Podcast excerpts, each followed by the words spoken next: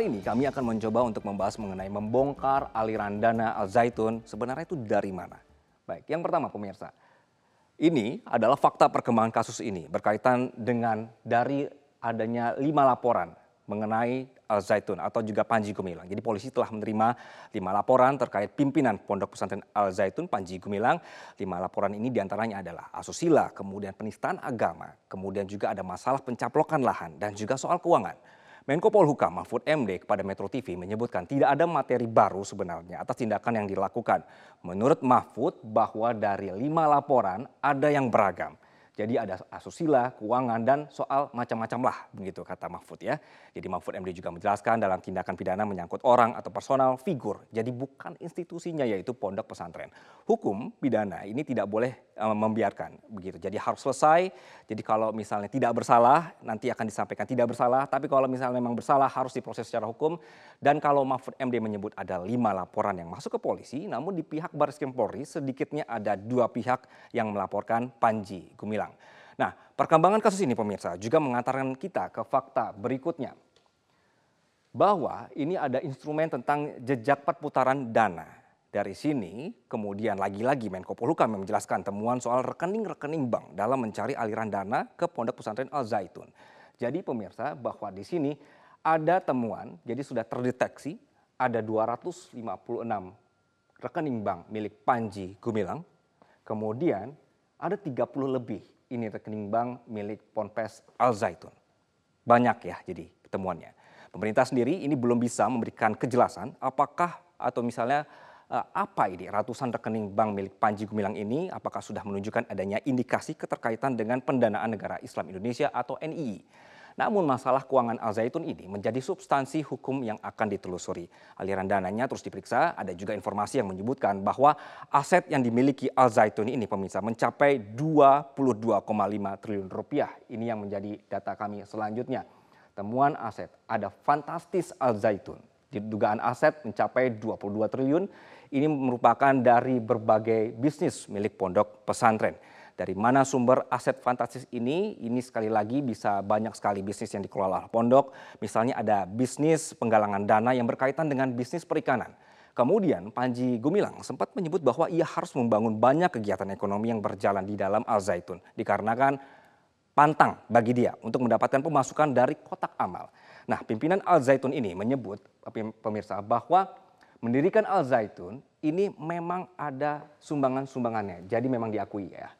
Tapi ini tidak seperti yang dibayangkan dan tidak ada kaitannya dengan organisasi tadi.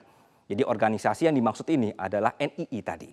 Kemudian karena kasus ini menjadi perhatian publik dalam upaya membongkar aliran dana Al Zaitun, ternyata ada temuan juga bahwa dari aliran dana dari pemerintah ke Ponpes jadi ada yang menyebutkan seperti itu pemirsa, karena semuanya ditelusuri ya. Dan akhirnya pemerintah juga membantah lah, jadi merespon. Jadi Kementerian Agama langsung mengklarifikasi adanya aliran dana ke Al Zaitun. Bahwa karena Al Zaitun mengelola madrasah dari jenjang ibtidaiyah, sanawiyah, sampai aliyah atau SD, SMP, SMA dengan jumlah yang besar sekali siswanya, maka Al Zaitun berhak mendapatkan bantuan atau dana bantuan operasional sekolah atau disingkat dengan BOS sesuai dengan regulasi pendidikan kita. Ini yang dijelaskan oleh Jubir Kemenak bahwa pemirsa bisa disaksikan dana bos yang mengalir bukan untuk yayasan. Ini harus digarisbawahi. Jadi untuk para siswa yang belajar di Al Zaitun. Secara prosedur, Al Zaitun mendapatkan dana bos karena sudah memenuhi dua persyarat dalam regulasi. Kita bisa saksikan pemirsa, syaratnya adalah memiliki izin operasional minimal satu tahun, kemudian juga siswa dan sekolah atau madrasah ini tercatat di dalam sistem EMIS Sistem emis ini adalah sistem manajemen informasi pendidikan yang dikembangkan oleh Kementerian Agama. Ditambah lagi pada tahun ini ada tambahan persyaratan bahwa internal itu tidak boleh bermasalah, tidak boleh ada konflik internal. Jadi perkembangannya pemirsa dari Kemenak juga ini juga akhirnya menunda pencairan dana. Yang kedua, karena mereka akan menunggu kasus ini uh, selesai terlebih dahulu. Nah, pembahasan ini akan mengerucut ke pertanyaan selanjutnya pemirsa. Apakah temuan penelusuran aliran dana ini sudah bisa menjerat Panji Gumilang? Komisioner KPU Betty Epsilon Idros meregaskan generasi muda mendominasi jumlah pemilih pada pemilu 2024 mendatang.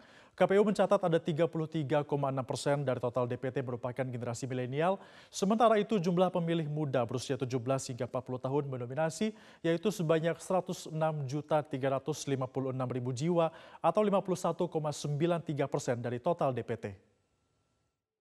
Untuk umur dan generasi baby boomer 1,73 persen, pre-boomer 1,74 persen, Gen X 28,07 persen, Gen Z 22,85 persen, milenial 33,6 persen.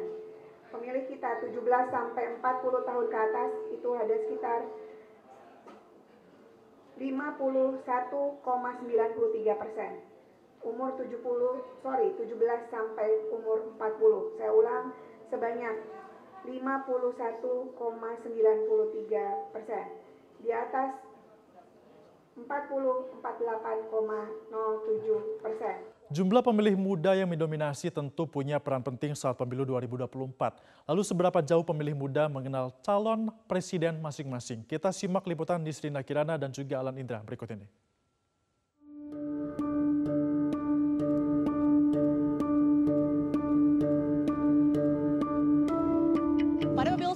Yang akan jatuh tanggal 14 Februari 2024 mendatang, jumlah pemilih muda diprediksi akan mengalami peningkatan. Bahkan berdasarkan hasil sejumlah survei ini menunjukkan generasi milenial hingga Gen Z akan menjadi kelompok pemilih dengan proporsi terbesar dalam pemilu 2024, yakni mencapai 60 persen atau setara dengan 110 juta pemilih dari total keseluruhan jumlah pemilih di Indonesia. Apakah juga generasi muda yang nantinya akan memilih di tahun 2024 mendatang sudah mengenal para calon presidennya. Alpi sejauh ini tahu nggak e, siapa aja calon-calon presidennya? Setahu saya kan yang baru diumumin itu ada tiga. Ada Pak Ganjar, Pak Prabowo, dan Pak Anies. Di antara ketiga calon presiden uh, itu menurut kakak yang paling uh, bisa membawa Indonesia lima tahun ke depan siapa? Uh, tiga-tiganya sih mungkin ada potensi ya dari Pak Ganjar yang suka uh, di, di TikTok, di media sosial, dia berkampanye juga, Pak Anies juga dan mungkin kalau Pak Prabowo lebih ke yang orang tuanya mungkin ya kayak gitu sih. Kalau kakak sendiri harapannya untuk calon presiden kita mendatang seperti apa?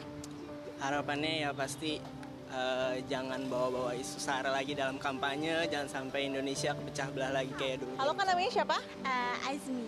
Kak Azmi usianya berapa? Uh, 20 tahun. 20 tahun berarti tahun depan juga akan ikut uh, pemilu pemilu ya. ya.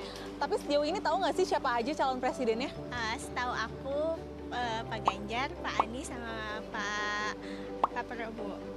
Nah kalau di antara tiga calon presiden itu menurut Kak Asmi yang bisa membawa Indonesia untuk lima tahun ke depan siapa? Uh, mungkin semuanya uh, berpotensi uh, tergantung uh, dengan visi misi masing-masing gitu. Ya.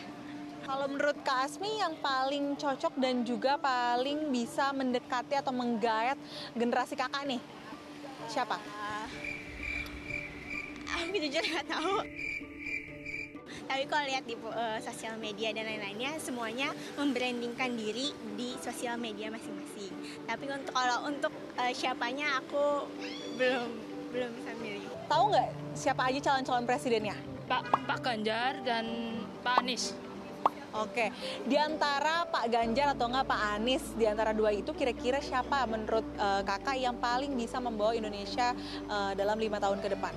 Kemungkinan sih Pak Anies. Kenapa? ya semoga bisa membawa Indonesia lebih maju lebih baik dari sebelumnya. Kalau menurut kakak penggunaan sosial media dalam kampanye itu penting nggak sih? Sangat penting. Kenapa kak? Karena kita bisa melihat calon capresnya yang baik mana yang tidak mana. Pilih yang cerdas dan berkualitas. Salah satunya bisa dilakukan dengan cara konsen pada isu-isu kekinian, pembangunan berkelanjutan, dan juga lingkungan hidup dan berbagai isu lainnya. Lantas sisi lain, partai politik ataupun juga politisi diharapkan tidak hanya menggunakan sosial media sebagai strategi kampanye untuk bisa menggait para generasi muda, namun diharapkan juga bisa mempunyai visi dan misi yang selaras dengan harapan generasi muda bangsa.